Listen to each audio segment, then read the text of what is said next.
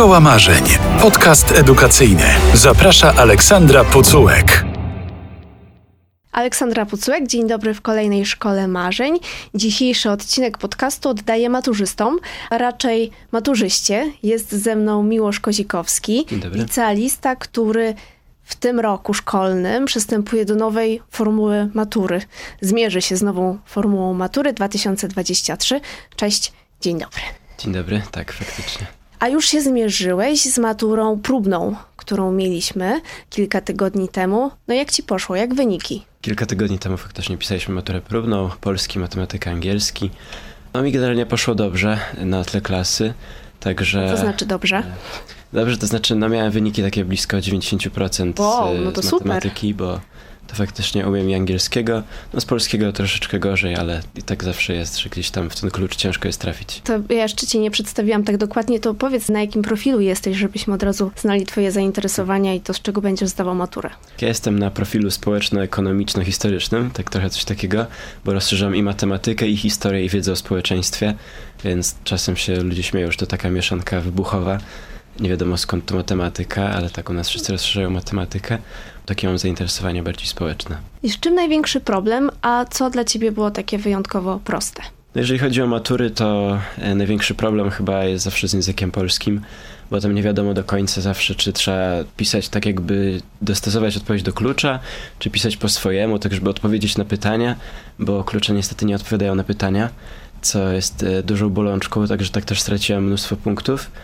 Natomiast jeżeli chodzi o takie no, łatwe rzeczy, takie, które mnie pozytywnie zaskoczyły, to, to język angielski to było e, jakoś banalnie proste, jeżeli chodzi o przynajmniej tę część nie, e, nie dotyczącą wypracowania, bo tam jakiś tam punkt zgubiłem, ale to zawsze jakaś struktura gramatyczna się zgubi, coś tam egzaminator nie uzna. Polski, ta część wypracowania dla ciebie trudniejsza, czy ta część historyczno-literacka tak jest nazywana. Byliśmy zszokowani tą częścią historyczno-literacką. Wiedzieliśmy, że coś takiego będzie, tak? Co prawda wiedzieliśmy od zaledwie tam półtorej roku. Nie ma żadnych próbnych arkuszy zawierających test historyczno-literacki. No oprócz tego, co jest w informatorze, więc musieliśmy sobie sami jakoś to wyobrazić w głowie. No wszędzie gdzieś pogubiłem punkty, więc ciężko powiedzieć, że to tam jedno czy drugie poszło mi dobrze. No najgorzej to wypracowanie, choć bo tam trochę z tymi kontekstami pomieszałem bo też nie do końca wiedziałem, jak to wprowadzić, natomiast yy, w miarę dobrze mi poszło, więc też nie będę się oszukiwał. Matematyka dla ciebie to prosta część e, egzaminu maturalnego, ale dla niektórych to zmora. To powiedz trochę więcej, jak ta próbna matura z matematyki wyglądała. Zaskoczyło mnie to, że było zadanie, które wyglądało na takie zadanie z rozszerzenia, bo akurat jak moja klasa realizuje rozszerzenie, to mieliśmy właśnie bardzo podobne zadania, że się zastanawiałem, czy to jest jednak podstawa. No mi poszło dosyć dobrze. Aczkolwiek e, trochę posiedziałem z tymi zadaniami jednak, siedziałem do końca z nimi, do końca czasu, no bo tam wszystko tak rozpisać, zobaczyć, sprawdzić dwa razy nie jest takie proste. W klasie generalnie nie za dobrze poszła ta matura, no bo też nie wiadomo było do końca jak to będzie wyglądało, jaka będzie treść zadań, czy będą się odwoływać do jakichś śmiesznych rzeczy, jak jakieś tam były ostatnio poruszane. Jesteście tym pierwszym rocznikiem, który będzie przystępował do nowej formuły matury. To oczywiście wiąże się z reformą edukacji, z likwidacją gimnazjów, z, z wydłużeniem czasu w szkole ponadpodstawowej. Powiedz mi, jak ty to oceniasz, bo znalazłam takie komentarze na temat tej nowej formuły mhm. matury. Niektórzy mówili, że to jest polowanie na ucznia, brutalna weryfikacja wiedzy, a z drugiej strony inni mówili, że prosta, ale trzeba nauczyć się tego schematu. Dla ciebie, które z tych określeń bardziej pasuje? Znaczy, no, ja bym się podpisał pod dwoma, bo z jednej strony y, jest to próba stworzenia przez rząd, czy właściwie ministerstwo elitaryzmu, czy właściwie przywrócenia takiego prestiżu maturze, więc to jest trochę brutalne. E, że jednak to trochę inaczej wygląda. Natomiast jeżeli chodzi o to, że była prosta, ale trzeba było trafić w schemat, to trochę też jest prawda, bo jednak e, no, musimy czasem wybrać na lekcji, czy uczymy się robić zadania, czy uczymy się pisać zadania, tak jak e, potem mają się znaleźć na odpowiedzi na maturze końcowej, tak jak mamy język polski, to czasem uczymy się takiej teorii, co możemy napisać, ale potem jeszcze musimy się nauczyć w jaki sposób to napisać, żeby dobrze to uznano, tak? No bo niestety faktycznie to jest trochę brutalne, ale nikt nie spojrzy w arkusz i nie powie, o faktycznie wiedział, tylko ktoś spojrzy w arkusz i powie, o tutaj się coś tam marąbnął, tu przecinka nie postawił, tutaj coś tam i sorry, nie ma punktów za interpunkcję. Jak wyglądały przygotowania do tej matury? Bo wy jesteście takim szczególnym rocznikiem.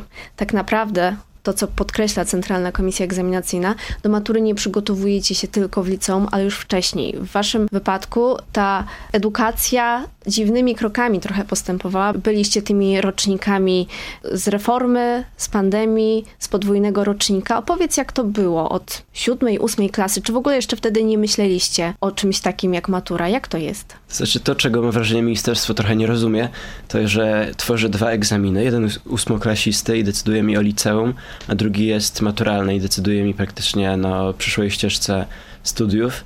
To nie jest tak, że kończąc siódmą, ósmą klasę skupiam się już na maturze, tylko robię te testy, robię egzaminy ósmoklasisty i to jest teraz główny cel. Nawet jeżeli mam tę maturę w perspektywie jakiejś przyszłej, no to nadal jest to zbyt odległe, żeby myśleć o tym.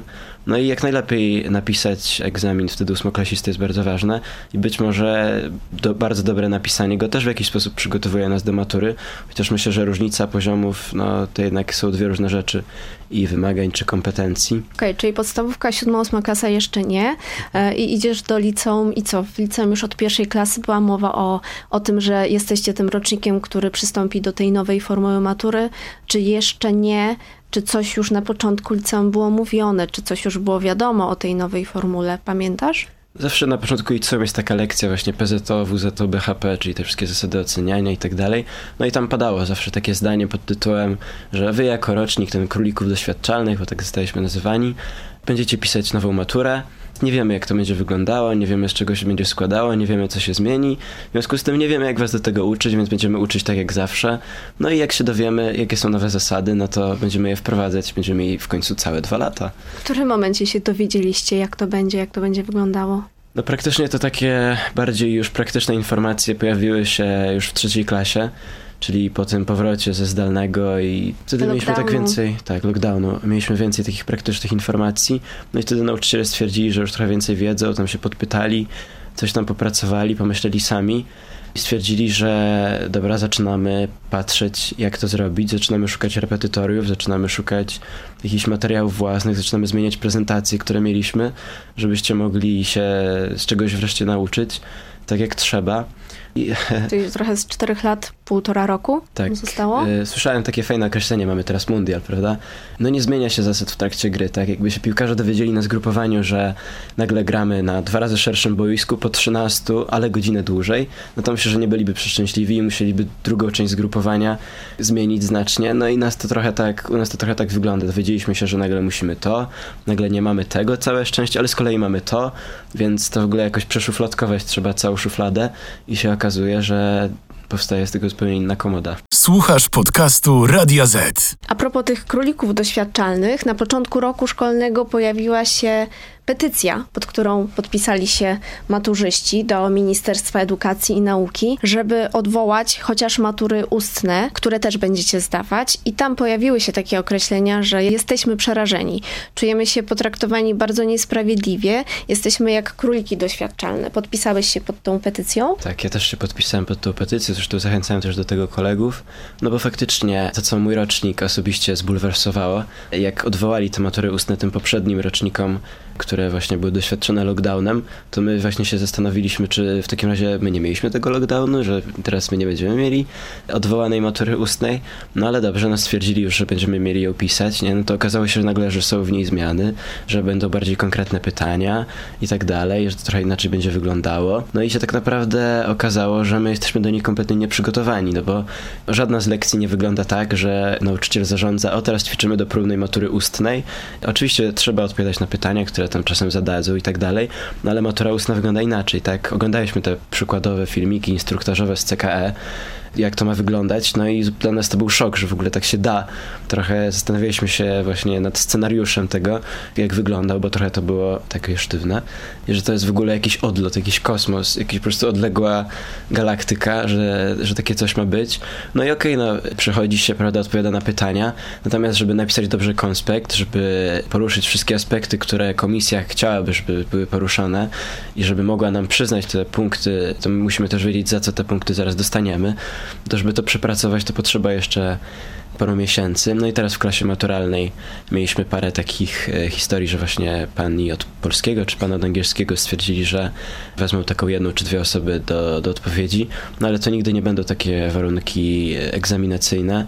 Też dochodzi wtedy stres już na maturze, nie? To jest zupełnie inna rzecz niż jak tak w środowisku klasowym, kiedy nie ma praktycznie żadnych konsekwencji odpowiedzi na pytanie. A jak już jesteśmy przy tej maturze ustnej z polskiego, no to jest diametralna zmiana. Ponad 40 lektur Tak. w tych pytaniach, które Centralna Komisja Egzaminacyjna przygotowała się pojawi.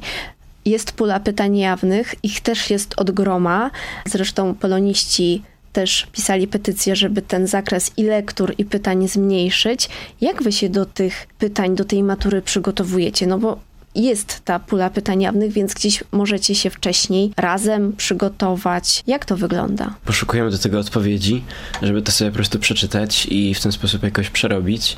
Pojawiły się osoby, które w te nisze weszły i stwierdziły, że teraz one będą sprzedawać albo rozdawać za darmo w ramach promocji y, swojego wizerunku jako polonisty właśnie takie rozwiązanie.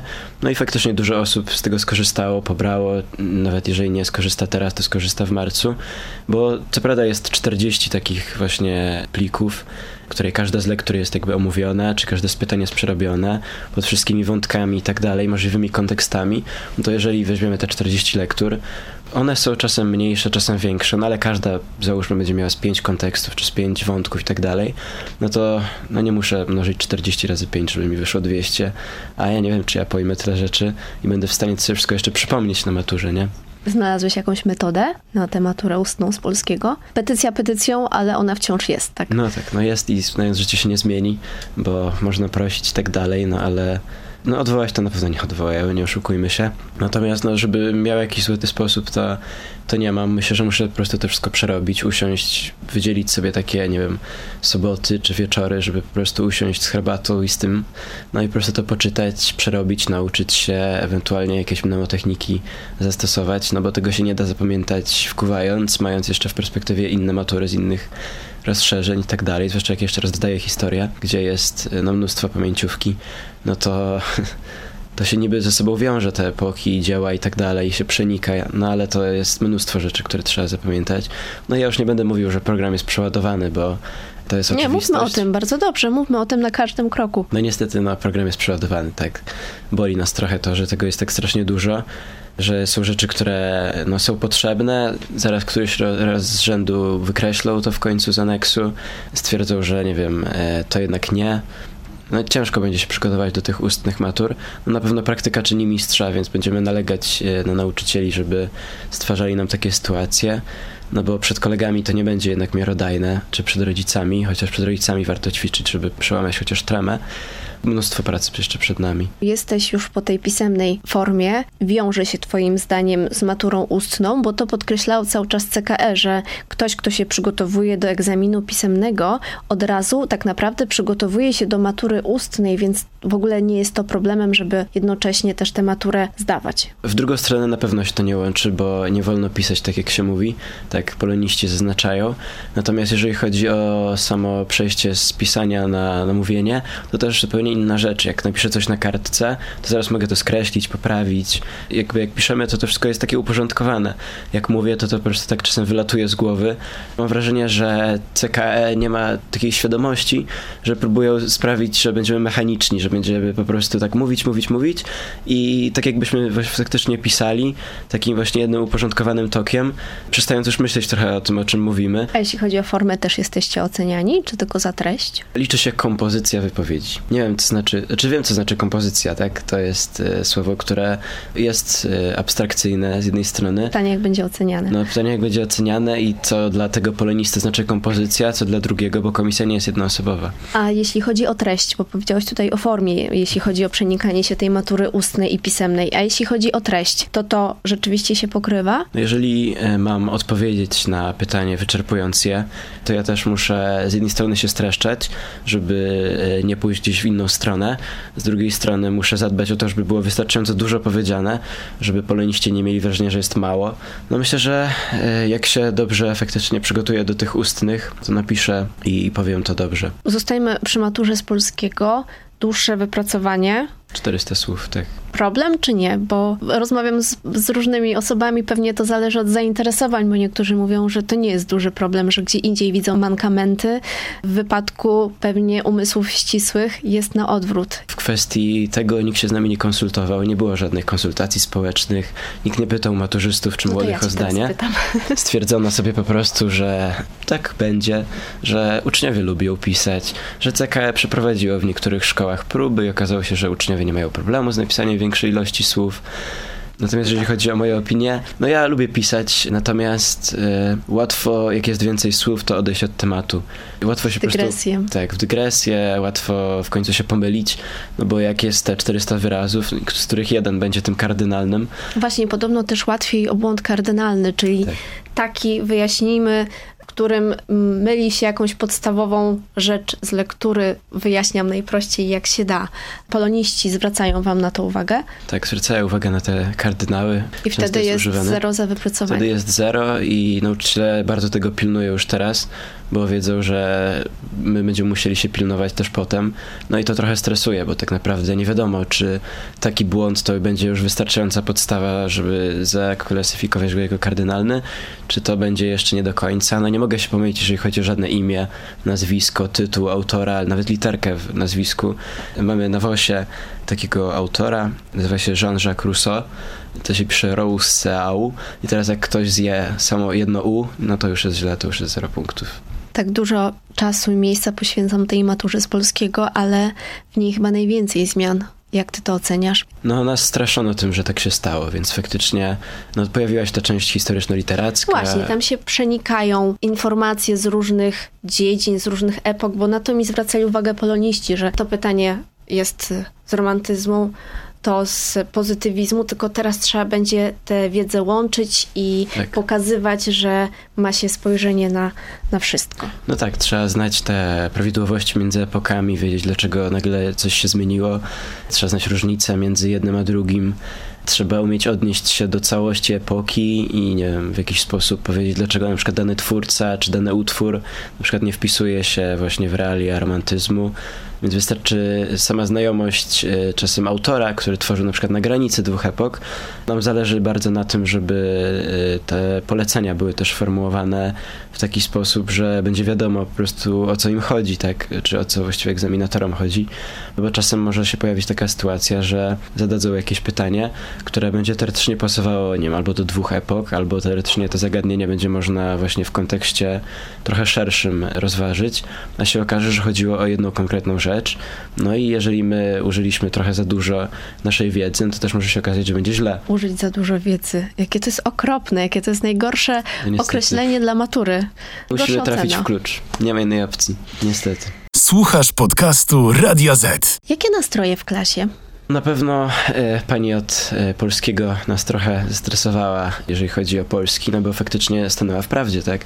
Nie chodzi mi tutaj, że mam coś przeciwko niej, stanęła w prawdzie, że dużo się zmieniło, że ta matura jest trochę inna, że my tak naprawdę no, nie byliśmy do niej przygotowywani, zwłaszcza, że nam się zmienił nauczyciel w ogóle polskiego w połowie, więc ona od razu weszła i od razu nas uczyła, co prawda tak już według tych realiów matury, więc o tyle dobrze, że mamy chociaż taką inną perspektywę teraz nagle. Natomiast jeżeli chodzi o to, to, czego się najbardziej boimy, no to jednak właśnie tego polskiego. Bo jeżeli chodzi o matematykę, no to słyszałem takie zdanie, e, praktycy mówili, że 50% może nie zdać matury z matematyki i to nie będzie zaskoczenie. Podstawy. Bo podstawy z matematyki, tak. No ale rozszerzenia się, że jeżeli się ktoś podejmuje, no to już naprawdę musi czuć, że jest z tego dobry. Ja osobiście zrezygnowałem, bo stwierdziłem, że nie chcę się kopać z CKE po tych zadaniach. Jeszcze, że słyszałem, że, że pojawiają się przykłady zadań, gdzie, nie wiem, model ulicy jest złożony z y, kartek papieru idealnie takich jak w zeszycie. Tak, bo podobno teraz CKE się stara nawiązać do rzeczywistości. Rzeczywistość, tak. To jest bardzo śmieszne i bardzo fajne z drugiej strony, bo można się czegoś nowego dowiedzieć, na przykład podczas tych zadań. Ostatnio się śmialiśmy na matematyce, że czasem e, większą wartość ma, jak się dowiemy na przykład, że jakaś stare określenie na daną cyfrę to jest na przykład, nie wiem, deka to 10, tak? Co prawda to jest akurat prosty przykład i myślę, że większość osób wie, jak ma dekagram czy coś tam, no ale czasem e, tuzin, prawda, się pojawi. Dla niektórych to bywa nowe słowo, czy na przykład dowiadujemy się jakichś ciekawych statystyk, no to to jest, to jest fajne, ale z drugiej strony, jak się tak za dużo tego da, to to zadanie traci na takiej rozwiązywalności. Największy absurd tej nowej matury potrafisz już wskazać po tym, co pisałeś, po tych informatorach, po tych informacjach, które masz? Chyba jeszcze nie. Teraz jesteśmy w trakcie matur. jesteśmy w trakcie matur rozszerzonych z różnych przedmiotów. U nas w grudniu właśnie są teraz. Pewnie będę w stanie powiedzieć potem, jak to się będzie miało do całości. No jeżeli chodzi o podstawę, to największy absurd to jest ta lista lektur po prostu, która jest po prostu ogromna, dłuży się i dłuży i my tylko obstawiamy, którą byśmy wyrzucili, zamiast zastanawiać się, e, jaka jest najbardziej funkcjonalna i odnosi się do wszystkiego. Zdajesz maturę rozszerzoną z czego? Historii? Zdaję z historii, tak, tu też jest wielkie zaskoczenie, że nagle ma być 500 wyrazów i mamy się uczyć argumentować historycznie, bo tego jeszcze nie było, żebyśmy, zawsze był temat, nie, no i się pisało tyle, ile się wie na ten temat i było super, natomiast teraz ma się pojawić ponad 500 słów, nie wiem, czy obowiązuje mnie jeszcze, czy dopiero od 2025 roku. Zdaję historię, zdaję WOS, tam też będzie trzeba coś napisać i to jest w ogóle absurdalne. To może być największym absurdem w takim razie, bo dowiedzieliśmy się, że istnieje coś takiego jak prywatny akt oskarżenia i mamy to umieć napisać. Pani nasza od WOS-u stwierdziła, że zrobi nam taki trochę inside joke klasowy, no i jak robiła taką maturę próbną, taką wewnętrzną, którą nazwała takim testem w połowie drogi, bo faktycznie był w połowie drogi, chociaż zdarzył się na początku tam czwartej klasy, albo na końcu trzeciej, no to zadała nam do napisania właśnie pismo procesowe, które tam cała sprawa była wyjaśniona i trzeba było się domyślić, że to jest prywatny akt oskarżenia. Trzeba było znać strukturę takiego prywatnego aktu oskarżenia i wszystko fajnie, tylko czegoś takiego jeszcze nigdy nie było. No i sama Więc pani... prawa podejrzewam, że mają z tym problem. Tak, no właśnie studenta prawa zaprosiliśmy, żeby nam wytłumaczył, na czym to polega w ogóle i ten student prawa też jest na praktykach. Pozdrawiam Wiktorię serdecznie, e, jeżeli nas słucha. Co poprosiło jeszcze adwokata? Czy kogoś? No właśnie, pewnie, pewnie będziemy musieli tak zrobić, bo jeżeli chodzi o pismo procesowe, to nauczyciel WOS-u, który tego nigdy się nie uczył, no to nie powie nam nagle, jak będzie chciała Centralna Komisja Egzaminacyjna, żeby to wyglądało, ale powie nam na przykład, jak to poprawnie napisać prawnik, który zaraz po tym zdaniu doda, że takich rzeczy się w ogóle nie pisze i ta wiedza jest nam po nic niepotrzebna. To może Centralna Komisja Egzaminacyjna też zasięgnie takiej wiedzy, kiedy będzie tworzyła arkusze. No i repetytoria jakieś, bo no my niestety nie mamy jeszcze repetytoriów, które byłyby dostosowane do wszystkich możliwych wymagań, które się pojawiły. habe. Po prostu wydawnictwa, no nie wiem, jeżeli któreś zrobiło, no to na pewno po łebkach, bo to jest niemożliwe, żeby w tak krótkim czasie zrobić bardzo dobre repetytorium, które faktycznie sprawi, że my będziemy wszystko mieli tak zebrane. Podręczniki też cały czas się zmieniają, bo ta podstawa programowa też cały czas się zmienia. Mieliśmy, mamy taki podręcznik oblicza epok. Mieliśmy, prawda, pierwszą wersję pierwszego podręcznika do pierwszej klasy. Teraz w trzeciej klasie pojawiła się znowu kolejna wersja, więc już inni są uczeni z innej podstawy programowej, z innego poprawionego podręcznika.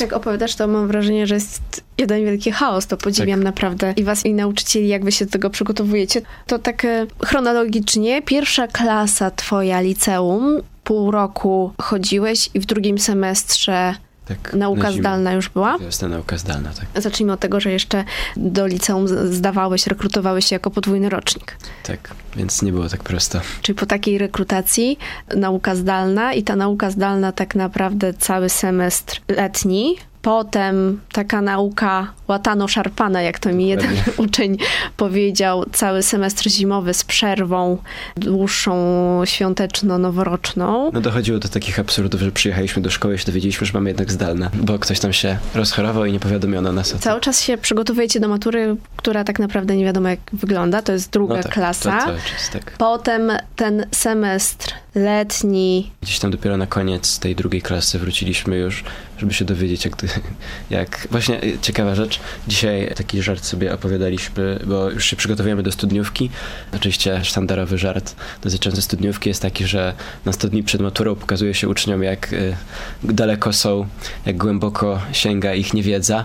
Właśnie trochę tak to wyglądało po zdalnym, że spojrzeliśmy w taką studnię, po czym nie pomogło na pewno dowiedzenie się, że o, matura wygląda inaczej. i trzecia klasa taka już, e, że już mogliście się przygotowywać. Tak, no w trzeciej klasie już się trochę Spokojniej. wiedzieliśmy. Trzecia klasa nazwałbym klasą wyłapywania braków, bo dowiadywaliśmy się, że tutaj ktoś tego no, nie dopracował, ktoś tego nie wie, tutaj lektura wymaga jeszcze omówienia, tutaj obejrzenie filmu na zdalnym nie wystarczyło, żeby wiedzieć o co chodzi. Największym sukcesem chyba trzeciej klasy dla wszystkich roczników, które wróciły po zdalnym, jest to, że sklasyfikowaliśmy swoje braki i dowiedzieliśmy się, ile musimy nadrobić Mieliście e, zajęcia na repetytoriach. wspomagające.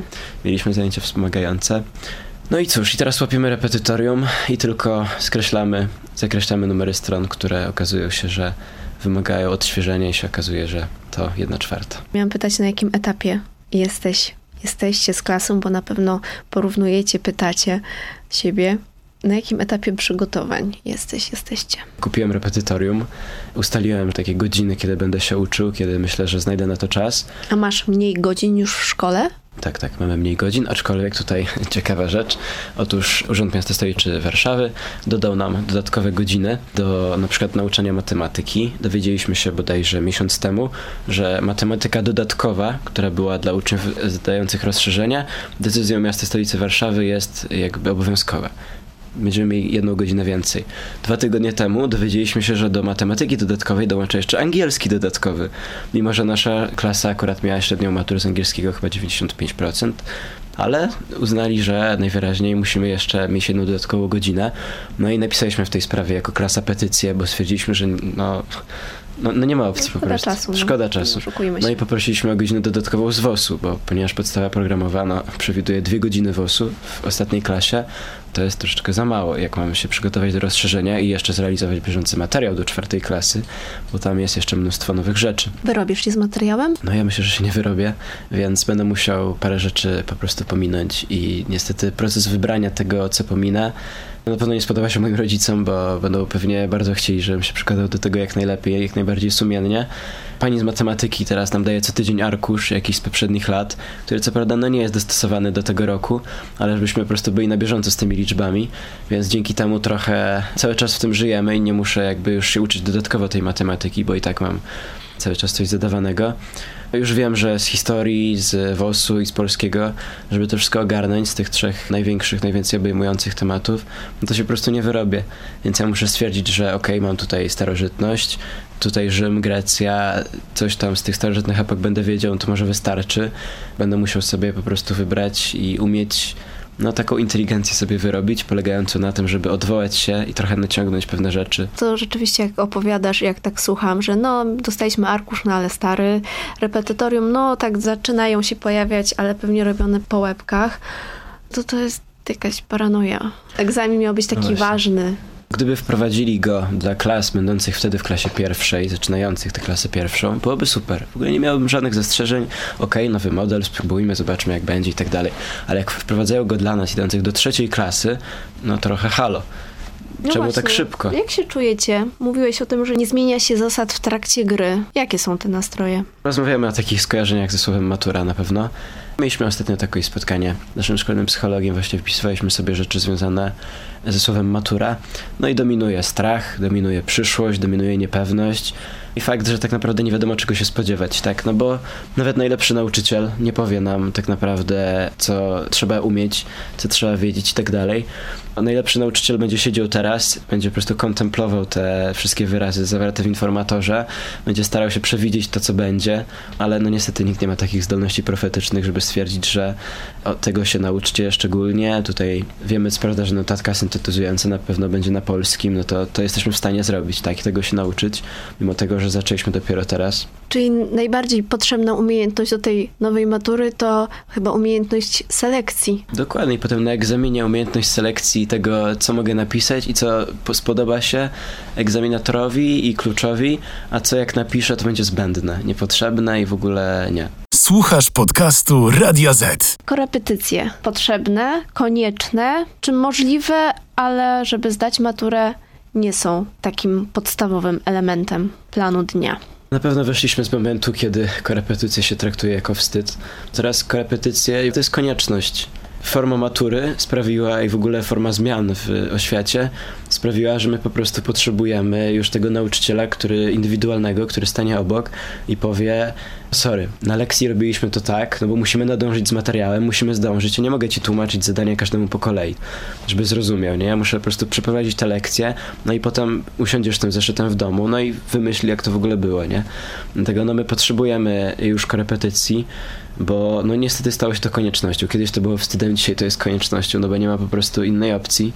A ty chodzisz na korepetycje? No ja osobiście nie chodzę na korepetycje. Żadne? Zdecydowałem się na razie zrobić wow. to samemu, aczkolwiek jestem ewenementem no, pod tym względem. Właśnie dlatego, dlatego taka moja reakcja, bo nie tak. słyszałam, nie spotkałam się na razie. Ja, ja po prostu może jestem trochę za bardzo perfekcjonistą i za bardzo wolę to zrobić wszystko samemu i udowodnić sobie, że potrafię. Natomiast czuję, że to jest jednak mimo wszystko konieczność i ta walka we mnie wewnętrzna cały czas trwa. U mnie w klasie, nie wiem, na palcach jednej ręki wymieniać, ile osób nie chodzi na korepetycje. To zazwyczaj nie jest jeden przedmiot, prawda? I to zazwyczaj nie jest jeden przedmiot, bo trzeba z WOS-u wszystko jeszcze raz powtórzyć. Z historii trzeba dostawać co chwilę jakieś testy, arkusze, e, nauczyć się pisać i tak dalej. Trzeba z matematyki robić te zadania, wałkować to i tak dalej, bo jeżeli przerobię 30 zadań z jednego działu, no to nadal nie będzie to te 31, które dostanę na maturze. Chcąc, nie chcąc, korepetycje stają się coraz większą koniecznością, bardzo mi przykro, że to idzie w takim kierunku, chociaż jest to nowa nisza dla nowych miejsc pracy. Natomiast nie wiem, czy na tym polega nasza edukacja, żebyśmy Publiczne. szli do szkoły, a potem wracali do domu i mieli znowu szkołę, tylko że inną. Jakby to widać w takiej prawidłowości, że coraz więcej osób decyduje się na edukację jednak domową.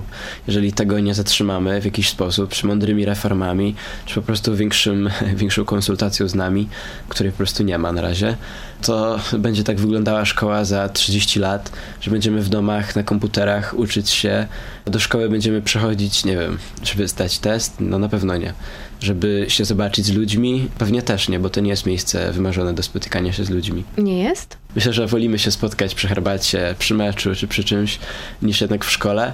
Jak jest mnóstwo takich seriali o nastolatkach, którzy się mega dobrze czują w szkole, to jest czasem taka fala na to, że o, pójdźmy do szkoły, że to jest fajnie, że można na przerwach porozmawiać i tak dalej, ale to nadal nie jest to, gdzie możemy się spotkać w miejscu bardziej dogodnym, sami, po prostu na naszych warunkach. Więc ja, ja się trochę boję o tę szkołę przyszłości bo no nie wiem, czy szkołą marzeń jest szkoła, gdzie muszę robić, uczyć się sam w domu i uczyć się wszystkiego tak, no nie wiem, od rodziców, jak kiedyś, tak, gdzie, nie wiem, to ma być średniowieczna szkoła i potem dopiero dla elity. Robimy przepaść, nawiązując do korepetycji. Wiadomo, że nie każdy może sobie na to pozwolić. No Ten, kto będzie miał korepetycję i jeszcze dobrych nauczycieli w szkole, pewnie tę maturę, która jest kluczem do przyszłości pewnym sensie, ja tutaj duży cudzysłów dodaję zawsze, to pójdzie wiadomo im lepiej, a ci, którzy tego wsparcia nie mają, to niestety te wyniki będą o wiele słabsze. Nauczyciele cały czas wam powtarzają, że ta matura taka ważna, że uczcie się, że nie zdacie. Jak to wygląda? Bo spotkałam się z takim komentarzem jednej nauczycielki, która udziela prywatnych lekcji, że musi tak naprawdę bardzo dużo pracować z uczniami nad tym, żeby uwierzyli w siebie, bo w szkole cały czas słyszą tylko takie groźby. Ta matura taka straszna, nowa, trudna.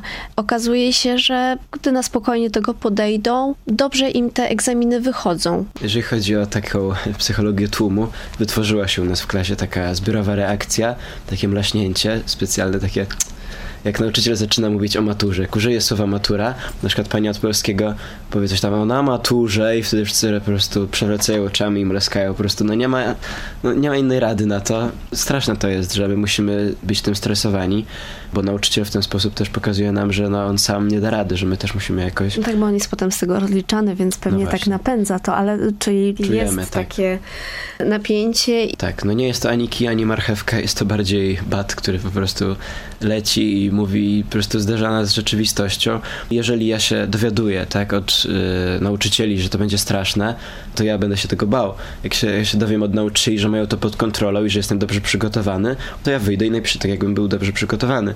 Prędzej uwierzysz w swoje prędzej uwierzysz w swoje możliwości. No, dokładnie też większa jest efektywność nasza, kiedy stwierdzimy, że no dobra, napiszę, podejdę do tego już. Jak też piszę wypracowanie z polskiego, to to bardzo widać. Taki, to jest po prostu tak jak się biega i w pewnym momencie przychodzi taka myśl, że nie, no, już dobra, już mam dość, już może zrezygnuję, albo dobra, nie w tę stronę. To na wypracowaniu z maturalnym też tak trochę jest, że się zaczyna pisać i się cały czas myśli, w którym się kierunku idzie, do czego mam dojść, czym to spuentować i tak dalej. Jeżeli ktoś nie będzie wierzył w siebie, uzna, że tutaj nie wiem, czy to komisja uzna, tutaj nauczyciel mi mówił, że może tak nie robić, no to jak ja mam to zrobić? I najwięcej czasu może zająć zastanawianie się nad tym, jak to dobrze zrobić, zamiast po prostu zrobienie tego w taki sposób, żeby naszym zdaniem to było dobrze, bo zazwyczaj wtedy to faktycznie jest dobrze.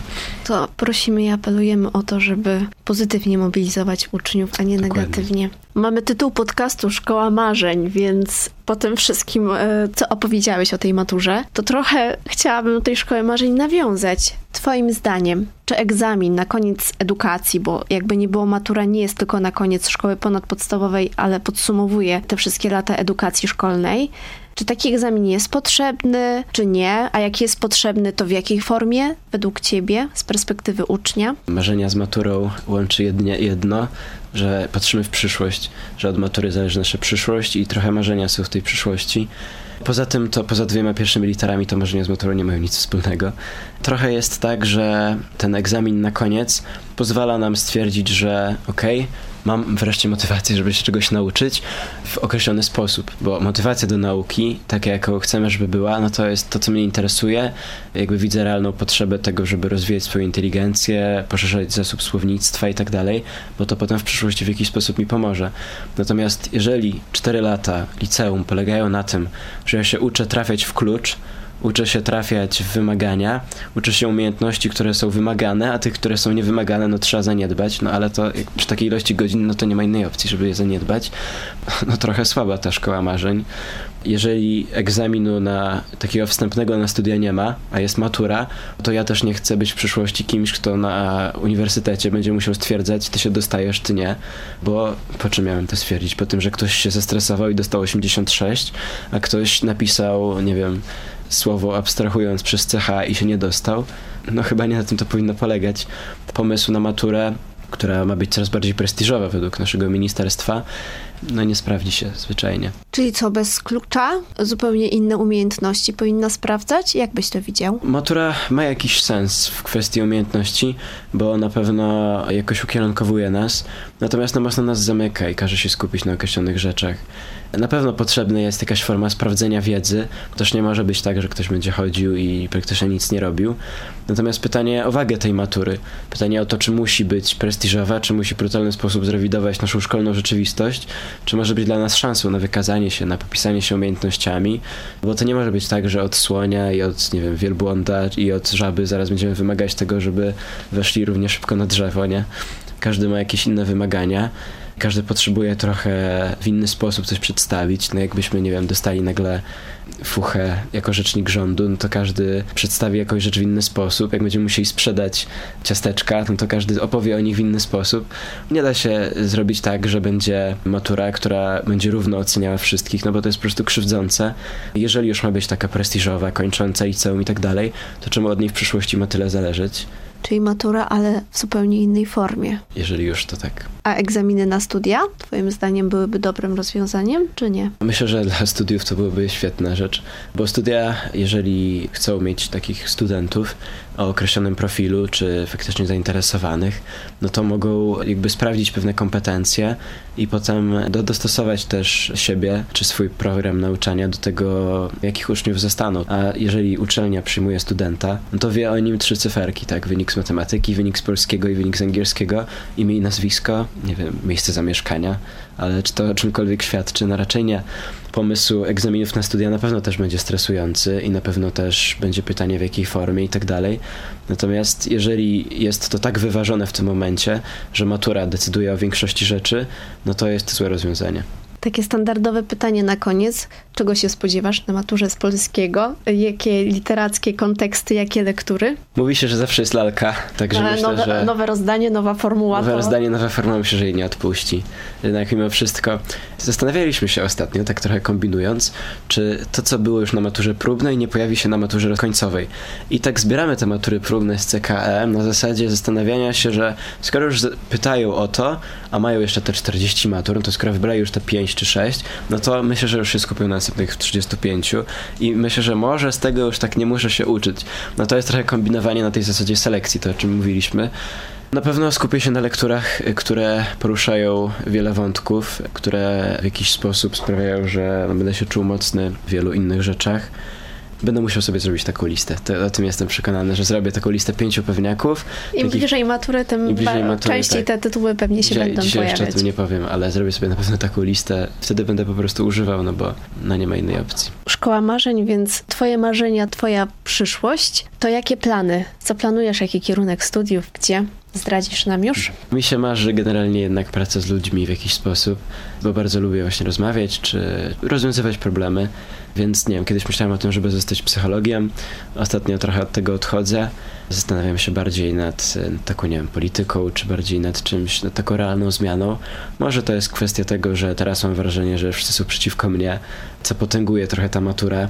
No bo jak się jednak żyje w pewnym wieku, który mam teraz, to największy fokus w życiu jest w pewnym momencie na maturze. Trzeba w pewnym momencie rozgraniczyć sobie, że teraz matura, no i to jest jednak najważniejsze. No i wtedy rodzi się też pewien konstrukt myślowy pod tytułem, że może chciałbym to zmienić, może chciałbym pomóc innym, żeby tak nie było. I o ile moim życiowym celem teraz nie będzie doprowadzić do tego, że matura będzie wyglądała inaczej, chociaż bardzo bym tego chciał i na pewno będę popierał wszelkie inicjatywy na ten temat, to przyszłość gdzieś tam myślę na tych społecznych kierunkach. Nie wybrałem jeszcze, bo na razie skupiam się na tym, żeby dobrze zdać maturę, co jest też paradoksem, że muszę się na tym skupiać i dopiero potem się zastanowić, co chcę tak naprawdę robić, no bo nie wszyscy, nie wszyscy już wiedzą. Studia w Natomiast- Polsce czy za granicą? E, ciężkie pytanie bardzo, bo ja mam perspektywę obu, uczę się języków i myślę o Polsce. Natomiast jeżeli chodzi o rodzinę, którą mam tu blisko, jeżeli chodzi o przyjaciół, których mam tu blisko i o fakt, że nauczyłem się już tego polskiego systemu i tak dalej, myślę, że na razie, na razie nie myślę o zagranicy, na razie myślę o Polsce. Ale myślę, że może się taka myśl pojawi, może jakaś oferta się pojawi. Bardzo Ci dziękuję za tę rozmowę i bardzo Ci dziękuję za to, że tutaj w imieniu maturzystów swój głos przedstawiłeś i pokazałeś, jak to wszystko wyglądało przez ostatnie 3,5 roku, przez ostatnie prawie 4 lata. Pięknie dziękuję za dzisiejszą Dziękuję bardzo. rozmowę. O nowej formule matury 2023 będzie można jeszcze przeczytać wielokrotnie na stronie radioz.pl, a więcej naszych podcastów można znaleźć na player radioz.pl i Spotify. Do usłyszenia. Szkoła Marzeń. Podcast edukacyjny. Więcej podcastów na player radioz.pl.